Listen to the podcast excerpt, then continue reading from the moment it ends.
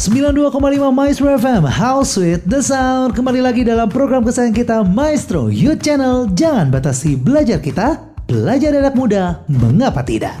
Hai hai hai Sobat Maestro. Senang sekali dapat kembali hadir nih di ruang dengar Anda dan pastinya kita punya semangat yang sama di setiap episode, yaitu menghadirkan inspirasi dari anak muda-anak muda yang luar biasa, yang setiap minggunya berbeda, tapi punya cerita yang luar biasa, yang pasti dari cerita mereka kita belajar sesuatu. Sama nih, di minggu ini juga kita sudah siap menghadirkan satu anak muda yang sudah berapi-api. Tadi sebelum on air ini kita udah ngobrol-ngobrol singkat dulu ya.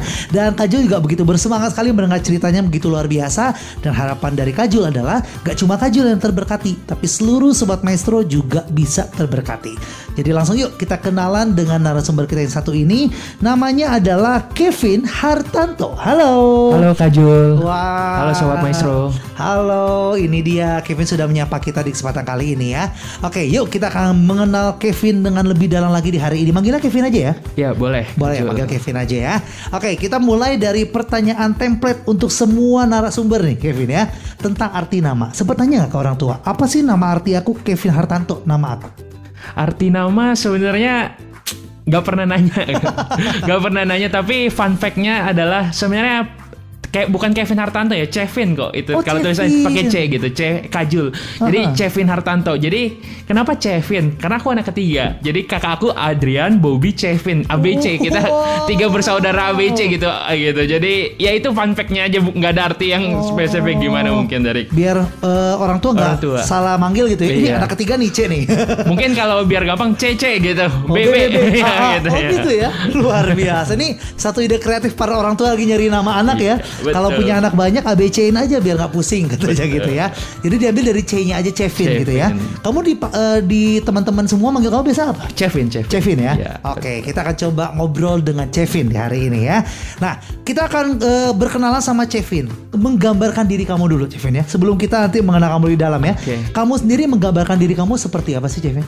Um, aku orang biasa sih. Oh, wow. aku orang biasa tapi hidupku penuh ditolong Tuhan kok. Wow.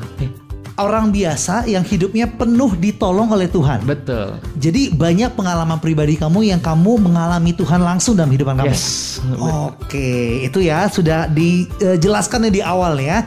Dan kalau mungkin Kevin ini kok nadanya kayak bukan nada Sunda, bukan nada orang Bandung. Wajar ya Kevin ya. Betul. Karena ternyata fun fact-nya Kevin bukan orang asli Bandung, tapi yeah. aslinya Tangerang nih. Korea. Korea. Korea Waci. Oh Korea Waci. Waduh, kecelek nih Kajul ya.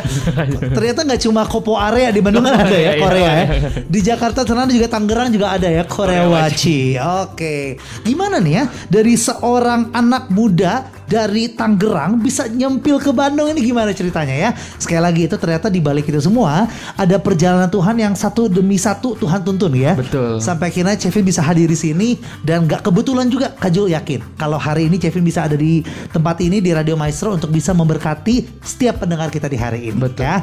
Jadi Kajul juga udah gak sabar banget sih ingin langsung dengar cerita dari seorang Kevin. Tapi sebelum kita mendengarkan kita tahan dulu ya kita harus uh, tahan dulu setiap cerita kita karena kita akan dengarkan dulu satu lagu dulu untuk menenangkan kita untuk bisa ngobrol lebih dalam lagi bersama dengan Kevin di hari ini. Satu lagu yang Kak hadirkan di awal ini adalah satu lagu dari Run dengan judulnya Para Pemenang. Ya, karena di hari ini semangat yang Kevin hadirkan ini seperti semangat pemenang nih ya. Hari ini Kak merasa sangat semangat sekali dan ingin semoga Kak ini nggak cuma merasakan sendiri ya. Semangat yang dirasakan ini bisa tersalurkan oleh seluruh sobat maestro dan rasa pemenangnya ini bisa keluar dari segala permasalahan hidup ini juga bisa dirasakan oleh seluruh sobat maestro ya.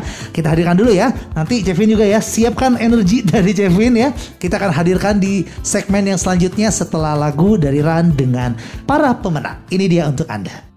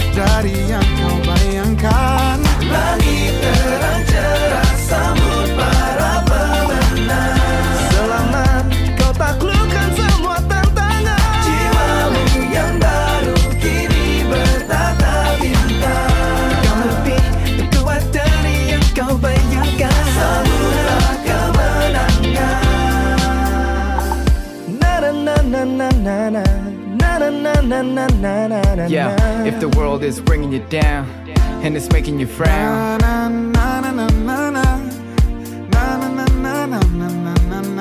You gotta show them who's the best and who's fresh. If the world's bringing you down, making you frown, you ain't gotta be down because you're bringing the crown, making the sound. Gotta show them who's the best, who's fresh. You one and only aim is success, yes. Gotta stand up tall and be a winner. Gotta transform yourself to be stronger. You should belong here. You're a star, you're a champion, yeah.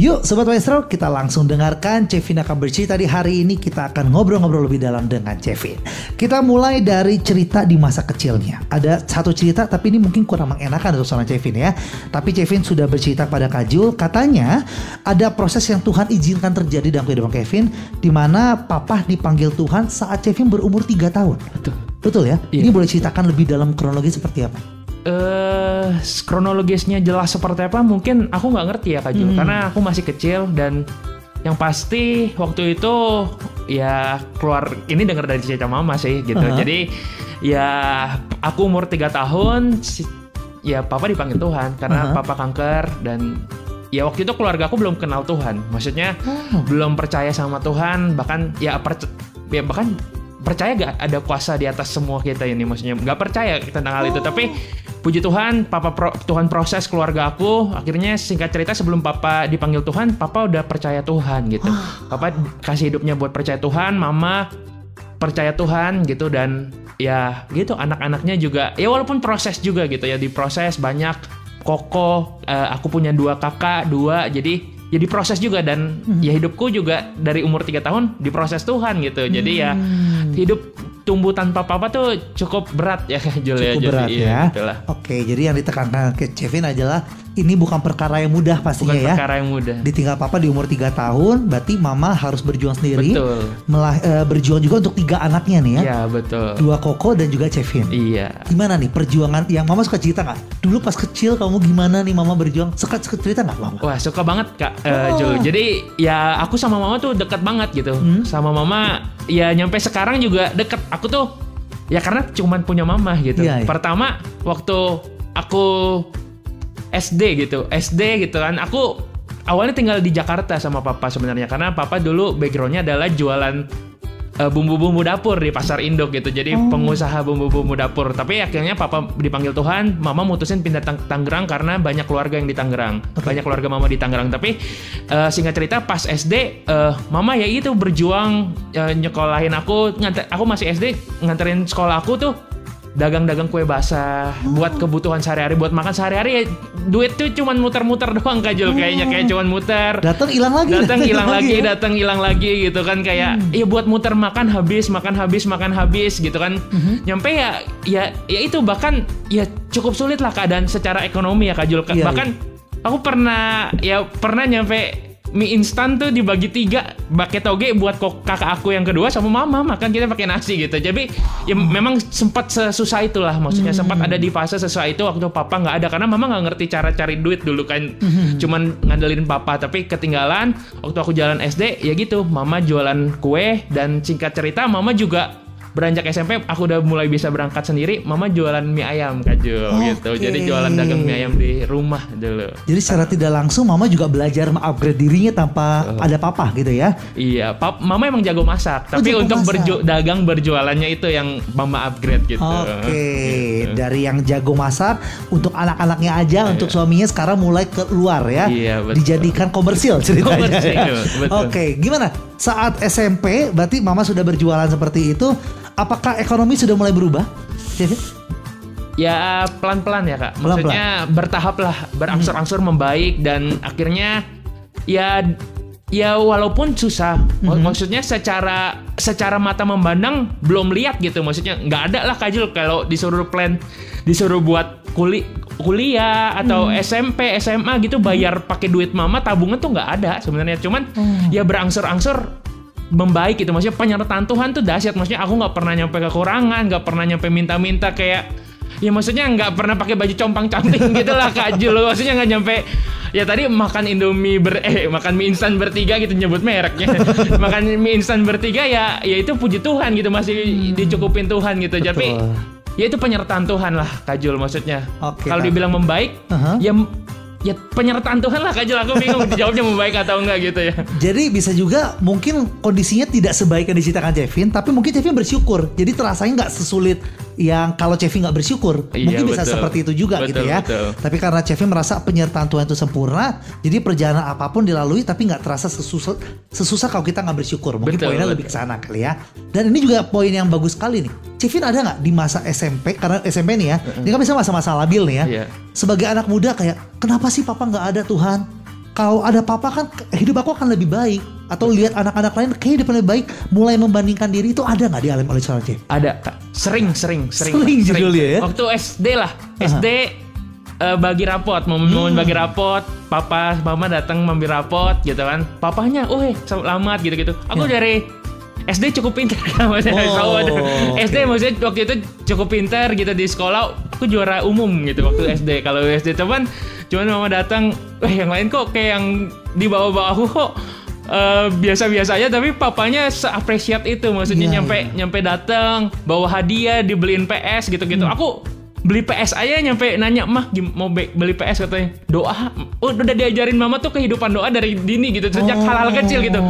Kayak mau PS mama nggak bisa kasih deh gitu. Ya Aha. doa doa cuman bisa doa gitu. Waktu itu ya sempet kenapa Tuhan? Kenapa Tuhan papa dipanggil? Kayaknya pengen kayaknya kalau ada Tuhan akan lebih kalau ada papa akan lebih baik gitu kenapa sih aku nggak punya papa nggak bisa kayak yang lain gitu sih Hmm, ada rasa mengeluh itu wajar tuh Wa- pernah iya, ada ya. pernah pernah Oke, tapi berangsur-angsurnya semakin dewasa, akhirnya Kevin sudah mengerti ya, bahwa Betul. dalam kehidupan tuh semua nggak harus sempurna gitu ya. Betul. Memang Tuhan izinkan ada beberapa permasalahan hidup yang terjadi, tapi itu mengajarkan Kevin untuk bisa menyiapkan Kevin di masa depan menjadi lebih baik. betul Itu ya, kuncinya itu.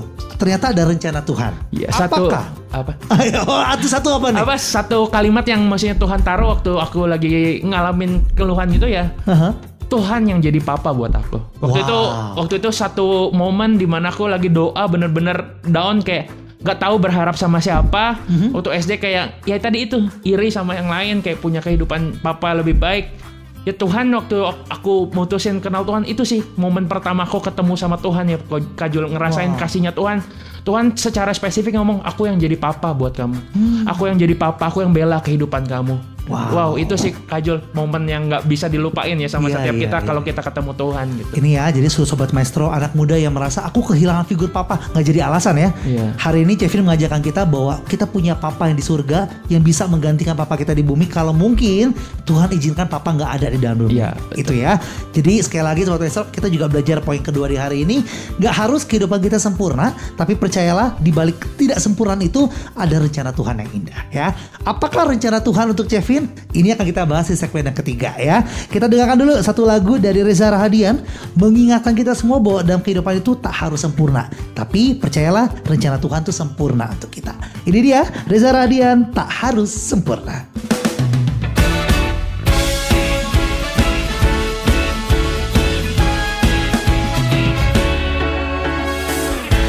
Dia yang dulu, dia yang sama, dia yang tak perlu berubah.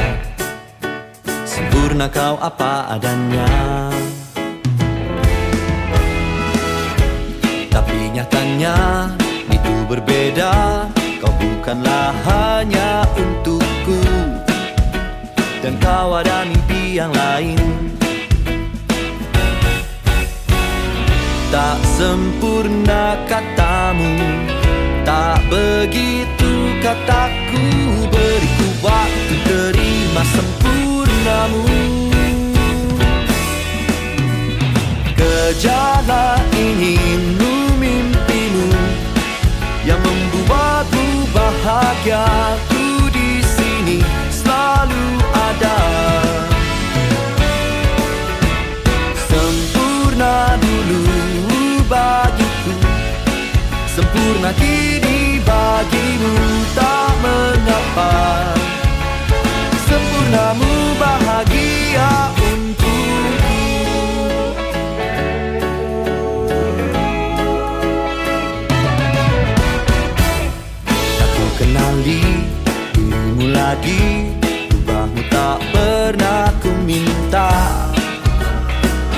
Biar ku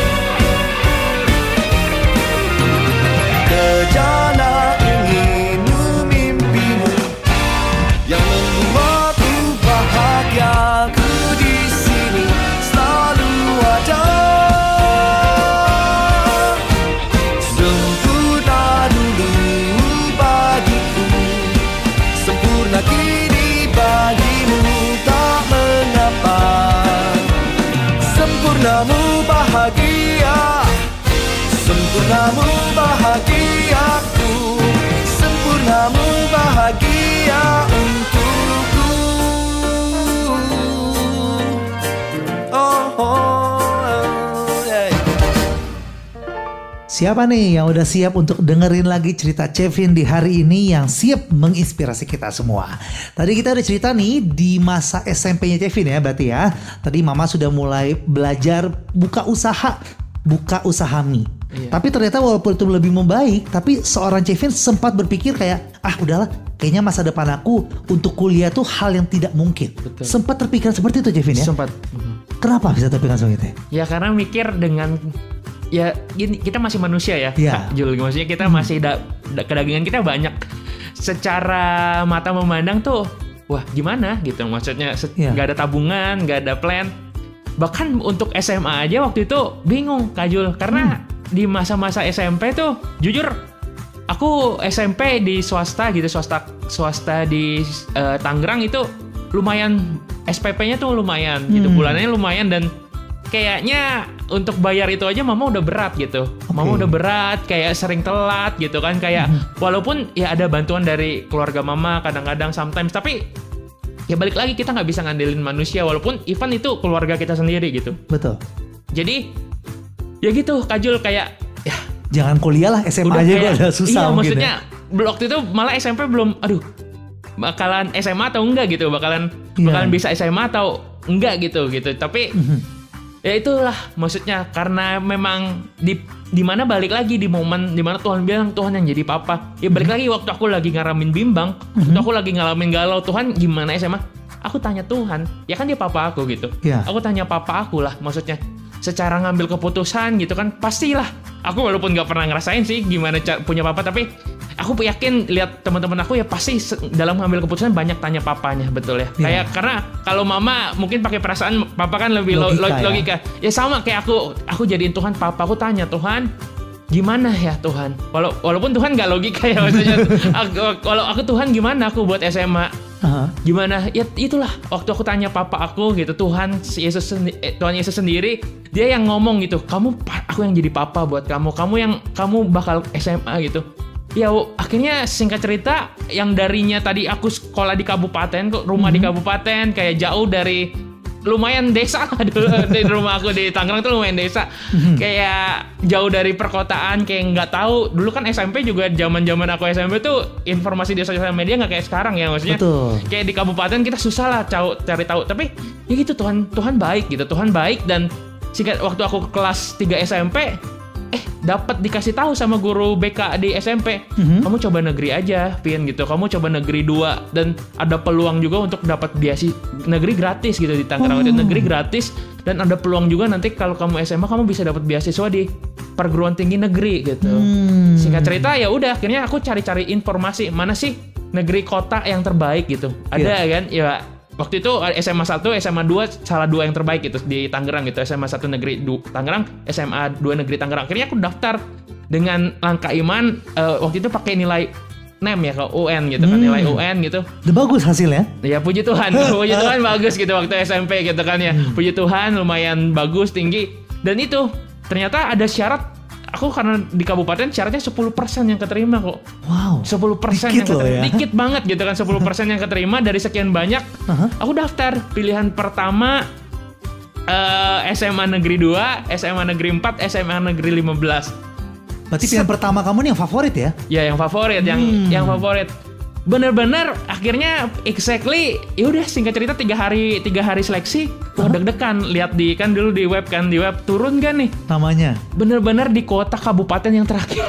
Yang terakhir. nama aku itu bener-bener exactly nama aku di kabupaten yang terakhir. Walaupun secara keseluruhan aku masih tinggi tapi Aha. secara kabupaten itu udah 10 10% yang terakhir gitu. Aku ke 10 persennya dan keterima di SMA Negeri 2 gitu. Ya itulah rancangan Tuhan dahsyat dan akhirnya aku singkat cerita masuk ke SMA ya gitu sesuai dengan apa yang guru BK aku bilang sih maksudnya SMA Aha. di SMA di negeri nggak bayar sama sekali gratis dan puji Tuhan lah gitu Cukup terbantu jadi untuk SMA bisa lah ya. bisa gitu. Bisa lanjutkan SMA tanpa harus terbeban dengan biaya. betul gitu. Dan kalau Kaju sendiri ya boleh menangkap tarik kesimpulan dari cerita dari SMA ini adalah seorang Kevin pasti dibantu oleh Tuhan, Betul. ya. Tapi kalau tanpa usaha dari Kevin juga nggak bisa. Betul. Gimana kalau saat SMP misalnya Kevin itu menganggap ah Tuhan baik nggak baik sama aku, aku nilainya abal- eh, asal-asalan aja, nilainya jelek. Kevin pun nggak bisa dibantu Tuhan Betul. gitu ya. Ini satu bentuk kolaborasi, Tuhan bekerja dengan ajaib, tapi Kevin juga lakukan bagiannya, dapat nilai semaksimal mungkin, belajar sebagus mungkin ya. Masuk ke jenjang SMA, masih menarik soal Maestro percayalah, cerita Kevin masih sangat banyak sekali yang siap menginspirasi kita semua. Tapi kita harus break dulu, kita lanjut ke segmen keempat nanti setelah kita dengarkan satu lagu dari The Overtones dengan sayap pelindungmu, kita percaya Tuhan juga bisa jadi sayap pelindung untuk kita semua. Ini dia The Overtones dengan sayap pelindungmu.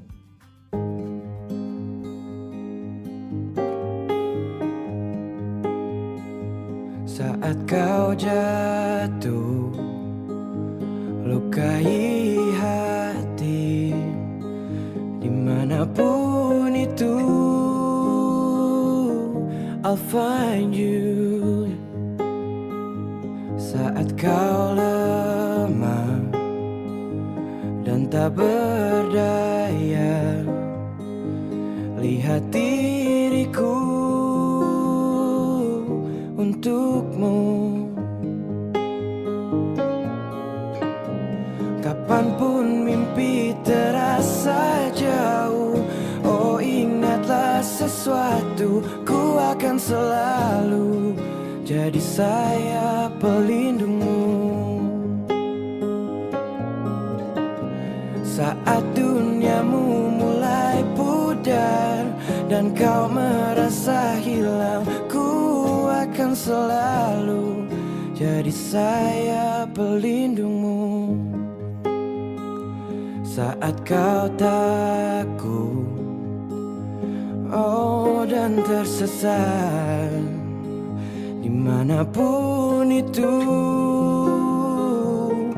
I'll find you. Air matamu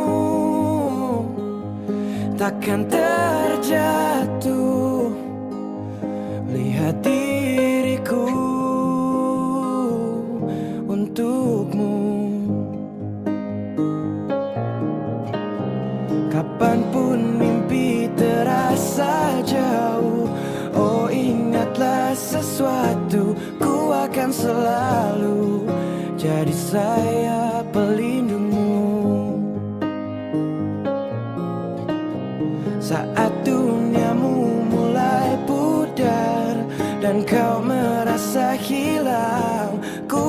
Selalu Jadi saya pelindungmu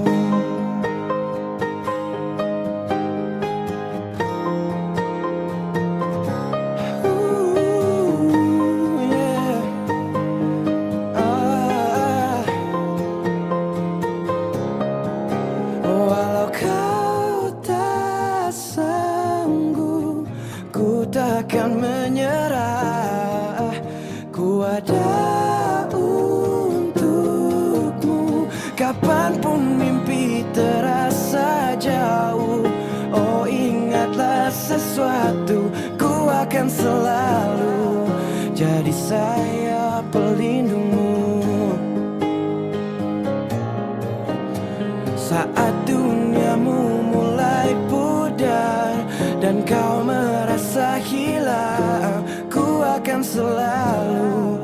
Jadi saya pelindungmu. Ku akan selalu Jadi saya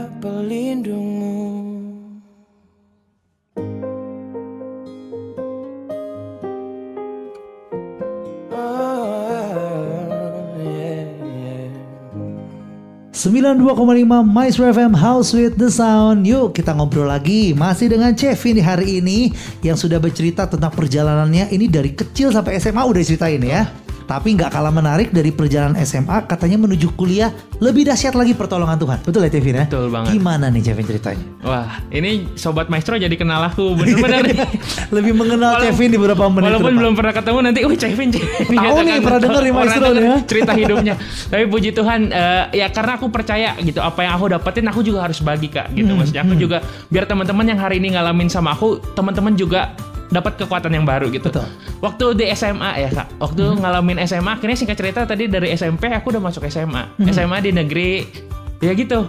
Kayak takut, perasaan takut karena biasa di comfort zone di swasta dengan lingkungan yang eh, nyaman gitu Iya, kan iya, kayak iya. segala macam masuk eh, SMA negeri tuh wah takut lah apalagi kata mama mama juga takut gitu oh nanti kamu dibully gak atau segala macam ada banyak ketakutan ada banyak Hmm. Ketakutan itu ketakutan terjadi nggak? Eh tidak sama sekali kan karena ya itu aku bilang buat aku buat aku ya aku Tuhan yang pelihara aku gitu dan Mhm. di mana pun aku berada Tuhan pasti jagain aku Mhm. bahkan aku bisa jadi berkat juga di lingkungan SMA aku Iya. aku SMA aku banyak aktif di SMA aku banyak terlibat kepanitiaan bahkan aku jadi orang yang buka persekutuan doa di SMA aku di Wow. di SMA negeri aku buka persekutuan doa dan jadi ketua persekutuan doa ya kita banyak saling nguatin saling nguatin saling teman sepersekutuan doa saling nguatin satu sama lain. Dan kita doa ya aku juga ambil bagian buat doa gitu. Karena aku juga udah udah masuk gitu. Maksudnya aku kenal Tuhan aku bilang aku nggak mau cukup buat diri aku aku berdoa buat teman-teman sekolahku gitu sih kak. Dan perjalanan Tuhan dahsyat ya waktu kita kasih Tuhan yang terbaik.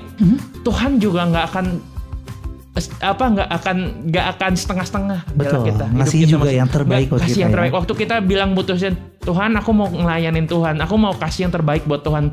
Tuhan juga pasti kasih yang terbaik buat kita. Mhm. waktu aku SMA aku makin tumbuh lah secara rohani makin dewasa secara rohani makin mengasihi Tuhan makin mengasihi apa yang jadi panggilan Tuhan atas hidup aku. Aku makin ngerti bahwa aku hidup di dunia ini bukan buat aku doang tapi buat jadi berkat juga buat banyak orang lain.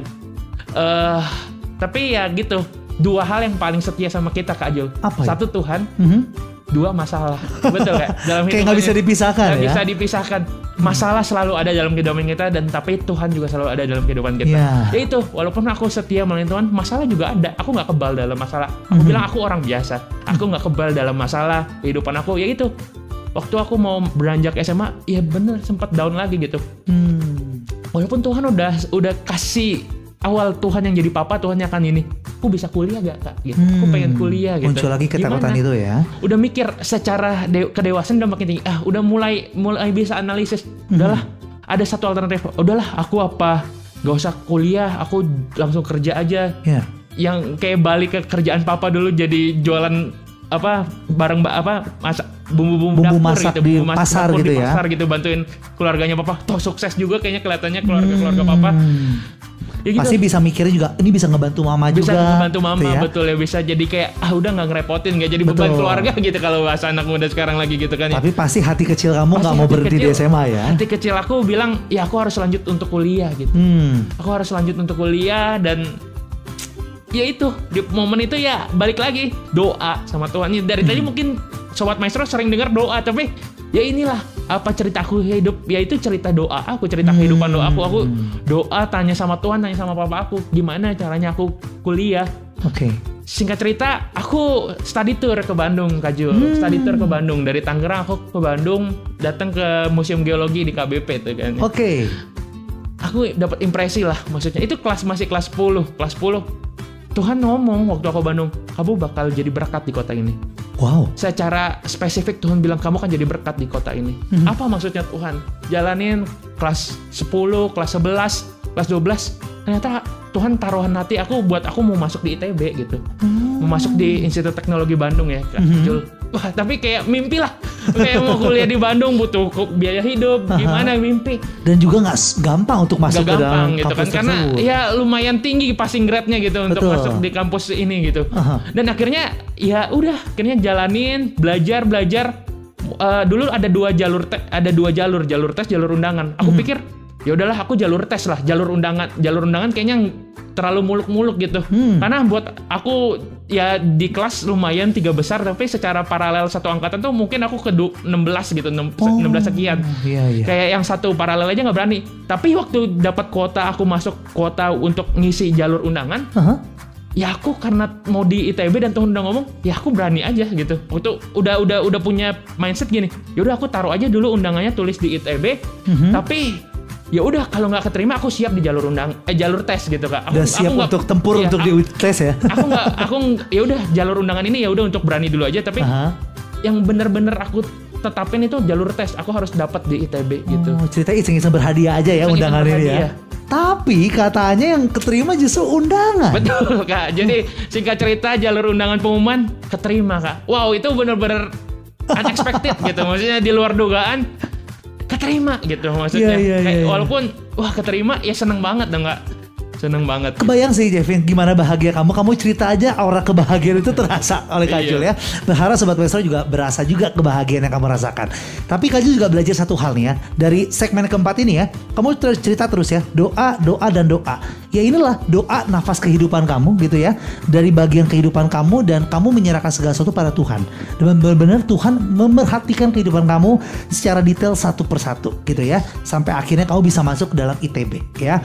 Ini belum selesai Sobat Maestro Jangan senang dulu ya Ini bukan kesaksian akhir Yang di mana kita udah bersyukur Memang harus bersyukur Tapi ternyata Tuhan bawa lagi Kevin ke kehidupan yang lebih luar biasa lagi tapi kita harus rehat dulu ya. Kita dengarkan dulu satu lagu dari Citra Solastika. Ini lagu juga menguatkan kita apa pun permasalahan kita, kita pasti bisa. Ini dia satu lagu dari Citra Solastika untuk Anda.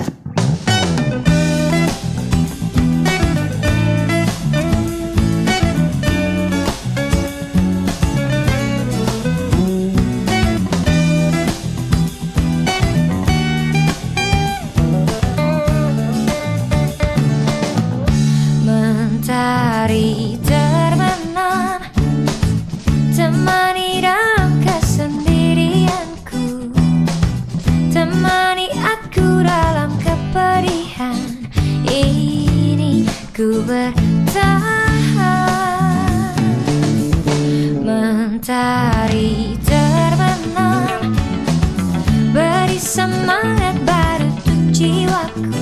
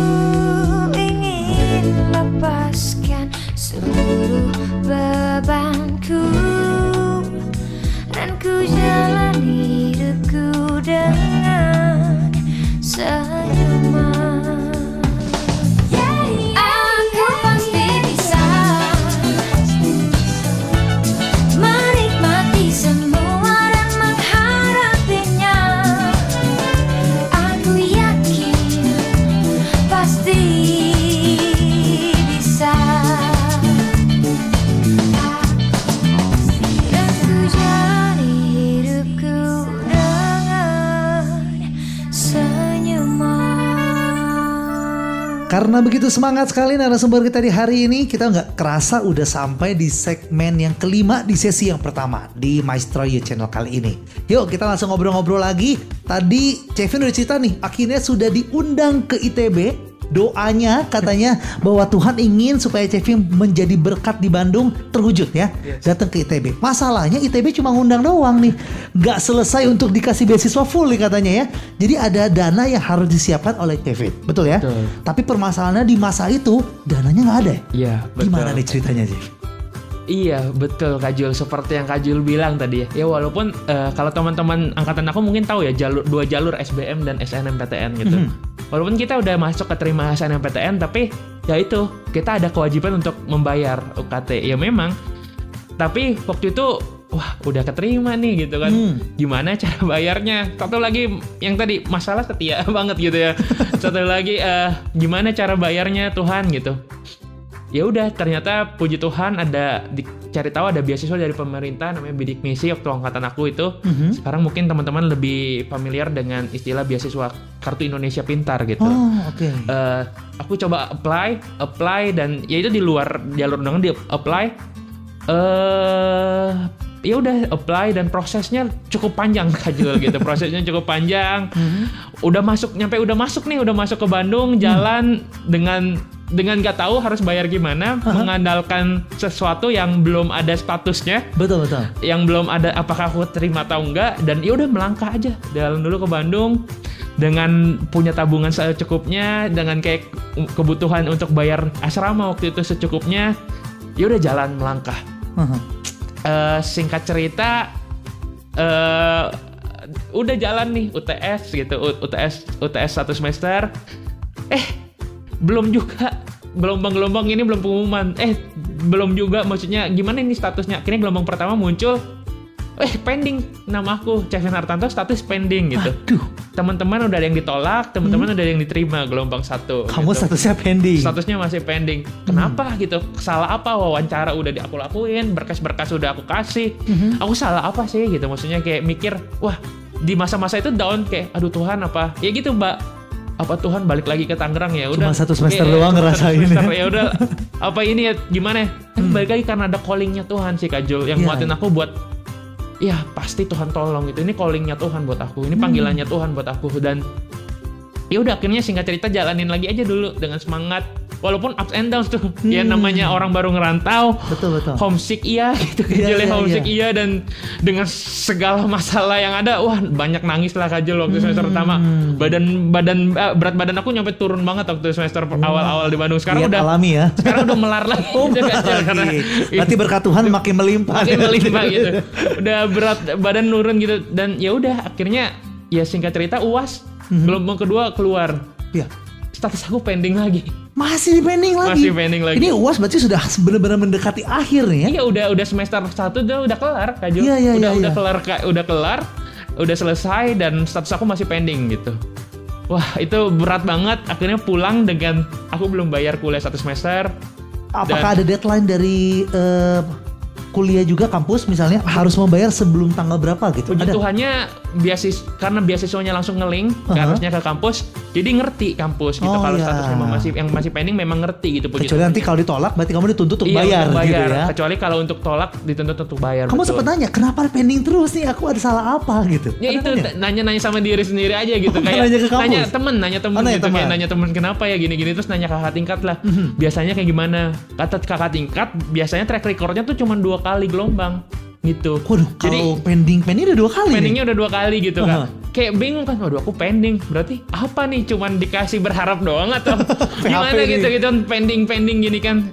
ya udahlah akhirnya pulang waktu itu Natalan ba- bareng keluarga di ini kan sam- sampai tahun baru libur Ya. ya udah akhirnya sambil berserah lah sama Tuhan gitu nggak tahu gimana ya udah di rumah juga kalau ditolak pun ya udah nanti gimana nanti lah gitu kan Oke. singkat cerita dipanggil untuk wawancara ulang Wawancara ulang. ya wawancara ulang tapi waktu itu aku lagi di Tangerang dan berat lah untuk ke Bandung gitu. Berat untuk ke Bandung karena biaya juga untuk balik-balik aku nego untuk di oh bisa gak tanggal segini sekalian aku nanti ke Bandung. Terus ternyata oke. Eh ternyata di range waktu yang dijanjiin itu sebelum hari itu udah pengumuman kuota tambahan uh panik dong kok pengumuman email nih muncul nih kuota tambahan waduh aku belum wawancara Waduh. bisa ditolak kan maksudnya Jangan gagal kamu nolak tanggalnya bisa aja kamu iya ditolak. bisa nih. ditolak gitu kan. Oh. Tapi puji Tuhan buka email diterima kak statusnya kuota tambahan Kevin Hartanto penerima kuota tambahan beasiswa bidik misi. Wow, gitu. luar biasa. Ini padahal kamu pasti deg-degan banget di Deg-degan hari itu ya. Aduh gak aku nggak wawancara. Oh bisa nyesel banget kalau itu Iya. terjadi ya. Tapi ternyata pas buka udah nggak perlu wawancara lagi. Iya betul kak. Gak perlu wawancara ulang Tuhan kasih kuota tambahan buat Kevin. Gitu. Wow, lolos juga satu ini baru satu semester gitu ya. Iya, betul. Tapi jadi kalau seperti Jeffy bilang tadi ya, Tuhan dan masalah tuh kayak nggak akan pernah bisa hilang dari kehidupan kita. Iya. Jadi satu semester sudah berlalu, ya udah semester 2, semester 3 akan ada lagi masalah-masalah baru yang akan Masalah. kamu lalui seperti Betul. itu ya. Tapi kamu juga kuat karena kamu punya Tuhan yang Yes. menopang kamu. Cerita-cerita semester-semester berikutnya juga kamu akan lalui juga bersama dengan Iya, Tuhan. betul. Wow, ini banyak merindingnya hari ini Kak Jul nih Sobat Metro ya. Apakah Sobat Metro juga merasakan hal yang sama? Eh, kita jadi belajar bersama-sama bahwa Tuhan benar-benar menyertai hidup kita satu demi satu, benar-benar setiap detailnya gitu ya. Itu Tuhan benar-benar perhatikan dalam kehidupan kita dan tergambarkan dalam kehidupan Chevin di hari ini yang sudah bercita kepada kita semua. Tenang Sobat Maestro, walaupun sudah satu semester, oh berarti selesai nih. Ini sekarang semester berapa, Chevin? Wow, sekarang dipercayain Tuhan buat masuk S2 Kak Jul. Masuk S2. Jadi perjalanannya ini ada yang belum sempat diceritakan ya. Semester 1 S1 ke S2 ini masih panjang nih ya. Waduh, panjang. Nah, Sobat Maestro mau dapat lagi nggak berkatnya cerita dari Kevin? Ada nih ceritanya ya. Kita tahan di sesi yang kedua. Jadi Sobat Maestro jangan ke mana-mana, tetap bersama kami. Kita akan ceritakan di sesi yang kedua dan pastikan Sobat Maestro nggak ketinggalan setiap cerita dari di hari ini. Sambil kita masuk ke sesi kedua, kita dengarkan juga satu lagu nih dari Maudi Ayunda yang menggambarkan cerita dari seorang Kevin yang terus mengejar mimpinya. Ini dia Kejar Mimpimu dari Maudi Ayunda.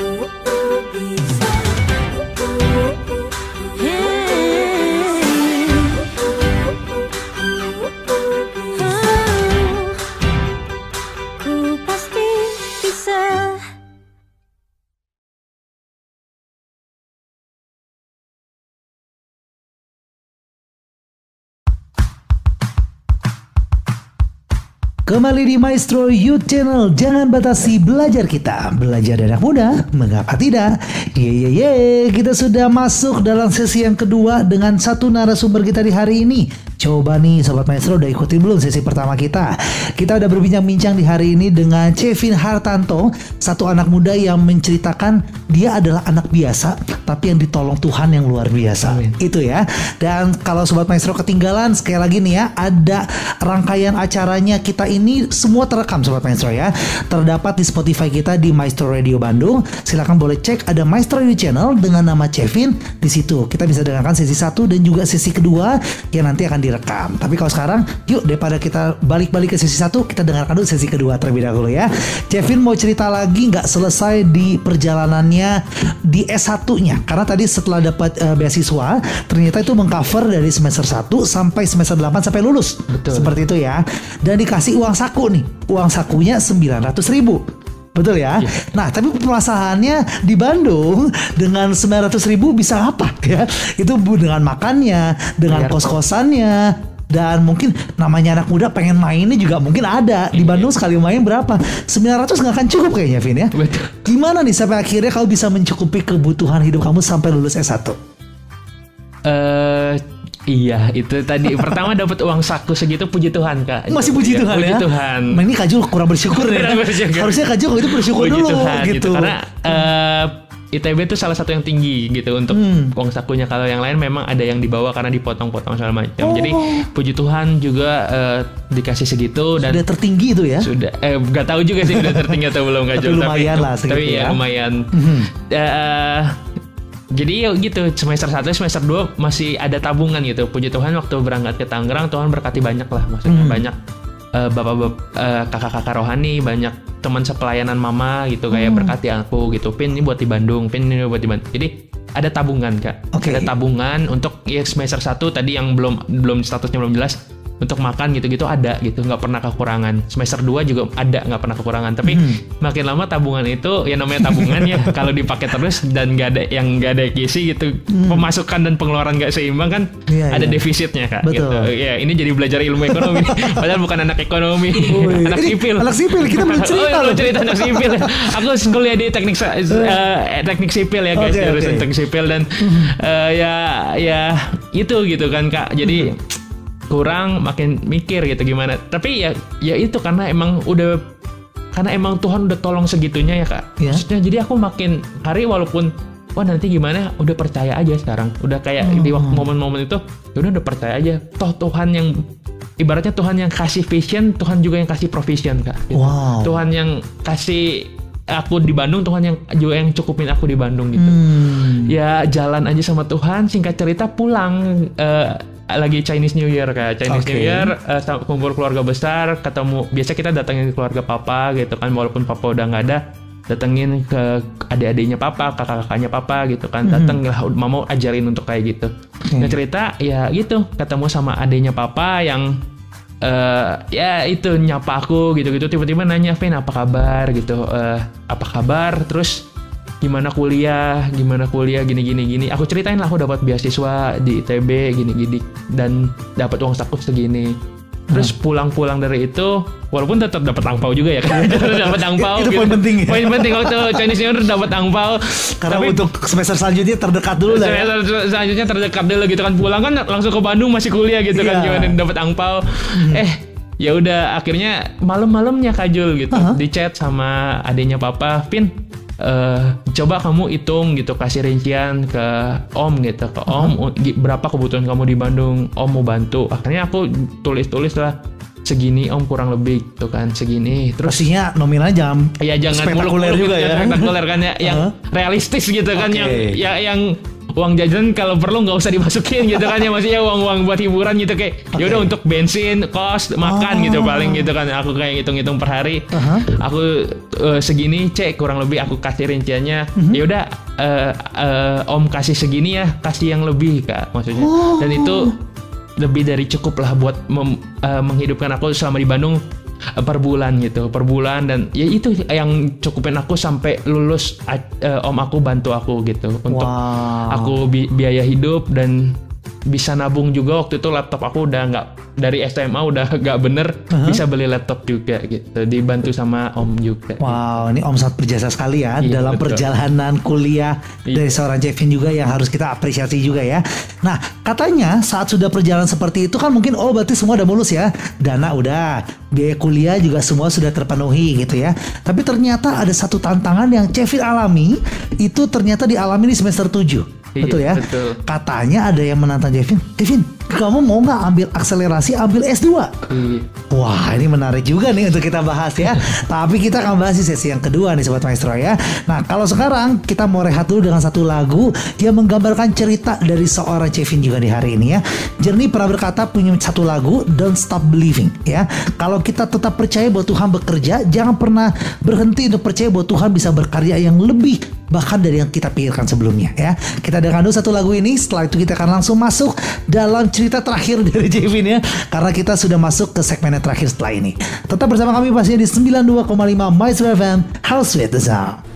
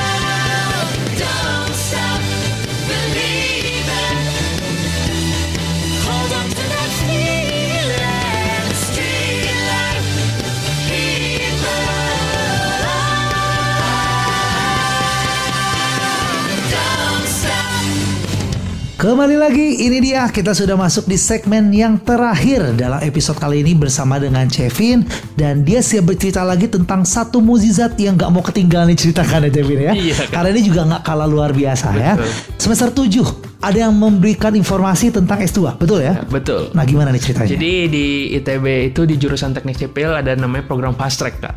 Jadi eh, semester 7 kita bisa ambil mata kuliah S2, eh, narik SKS dan nanti tinggal nambah setahun di akhirnya. Oke. Dan puji Tuhan kan karena aku masih di fase beasiswa, eh, di maksudnya di mu- di rentang beasiswa dari 2018 sampai 2022 Jadi ya aku narik SKS S2 di semester 7 semester 8 tuh nggak bayar, Oh. gratis, free. Ya udah akhirnya singkat cerita ada, ada bisa dibuka kesempatan aku bisa ambil itu eh, tanya mama, doa dan akhirnya mutusin ambil. Akhirnya mutusin ambil ya nekat lagi juga gitu kan maksudnya Ya katanya sih ada beasiswa katanya ada beasiswa nanti pas nanti setelah lulus S1 yang semester 8 walaupun udah narik nanti kan dua semester nih gimana nih lebih mahal kan S2 juga Betul. kan ya katanya ada beasiswa kalau Oh. syaratnya jadi asisten gitu Jadi akhirnya kamu jadi asisten. Iya, nih? jadi asisten. Akhirnya Menambah aku kesibukan di semester kesibukan 7. di semester 7 jadi asisten untuk ya udah buat dapat beasiswa itu. Eh, udah jalan. Singkat cerita masuk lah, udah ambil narik SKS, udah udah komit. Puji Tuhan aku lulus 2018 eh 2022 eh, tahun bulan Juni kemarin Kak, bulan Juni. Kan S1 udah lulus, udah Mhm. wisuda juga, masuk ke semester baru lagi kan buat S2 kan. Mhm. Transfer SKS yang kemarin, jadi aku tinggal lanjutin satu tahun lagi. Eh, perjalanan dimulai kembali, perjalanan iman dimulai kembali. Masalah dimulai lagi Masalah ya. dimulai lagi eh, yang tadinya kata dijanjiin 100% beasiswa ternyata ada kuota. Aku cuman dapat 50%. Hmm, jadi 50% lagi harus kamu tanggung sendiri. Iya, 50% lagi harus aku tanggung sendiri. Secara wah, gimana nih? Kemarin udah beasiswa dan sekarang 50%. Kayak sebenarnya kan tidak krusial juga kan. Ya apa mundur aja. Iya. Tapi ya itu puji Tuhan sebelum aku lulus S1 Tuhan udah kasih aku kerja coba magang di satu perusahaan. Coba magang di satu perusahaan ya walaupun pendapatannya tidak terlalu besar karena waktu itu perjanjiannya probation tiga bulan dan akan diterusin dengan status baru lagi nanti setelah tiga bulan. Oke. tapi ya itu lumayan untuk membantu-bantu kehidupan dan ya nabung gitu. Buat 50% itu akhirnya singkat cerita 50% gimana nih gitu kan. 50% gimana nih eh, jalannya jalan eh, di perusahaan itu magang tiga bulan ternyata nggak ada yang ketabung untuk bayar kuliah Kenapa? Karena- ketabung? ya gak cukup kak gitu buat Oh. kebutuhan kos sehari-hari gitu kan Iya, kayak iya, iya, iya. gak ketabung buat gimana nih bayar kuliah cukup gede walaupun 50% buat aku cukup berat juga gitu nggak ada yang ketabung untuk untuk ini gitu akhirnya ternyata pas wah bulan keempat status aku nggak dinaikin. Status aku nggak dinaikin aku tetap probation. Janji yang diberikan oleh orang tersebut ternyata nggak ditepati. Iya tidak. Karena memang salahnya aku juga tidak ada hitam di atas putihnya waktu itu. Oh. jadi ya tidak dinaikin. Eh, ya udah singkat cerita gimana ya kak? Keluar gitu. Akhirnya singkat cerita mutusin waktu itu galau sih sempet nangis lah. Dua hari itu nangis banget sama Tuhan gimana Tuhan? Dan ya dapat ya udah keluar gitu kan ya. Dapat dapat satu suara sepakat sama Tuhan sama mama juga cerita keluar. Ya, emang udah nggak bener. Ta- karena tapi keluar terlalu gegabah. Gimana nih nanti buat kebutuhan S2 hidup itu dan itu terlalu gegabah. Dan tapi ya itu lagi Tuhan bilang ya coba aja jalan dulu ambil langkah iman. Tadi Hmm. tadinya pikir tuh ada orang yang nawarin aku kerja di Jakarta. Pikirnya backupnya itu. Pikirnya Oke. backupnya itu. Tapi nggak jelas juga ternyata yang yang yang Dijanjikan di Jakarta dijanji- tuh. dijanjikan di Jakarta tuh ya udah hilang begitu aja lah kak. Maksudnya singkat cerita. Ya udah aku keluar di hari itu ngomong sama bos di perusahaan ini. Mhm. malamnya ada orang yang chat aku mau kerja Gavin bantu aku gitu. Aku abang gitu. Aku namanya bang ah, bantu abang kerja eh, lagi bangun desain di ibu kota nasional. Itu kakak tingkat aku di sipil gitu kan. Kakak udah beberapa tahun lah udah angkatan 2000 wah udah angkatan tua alumni.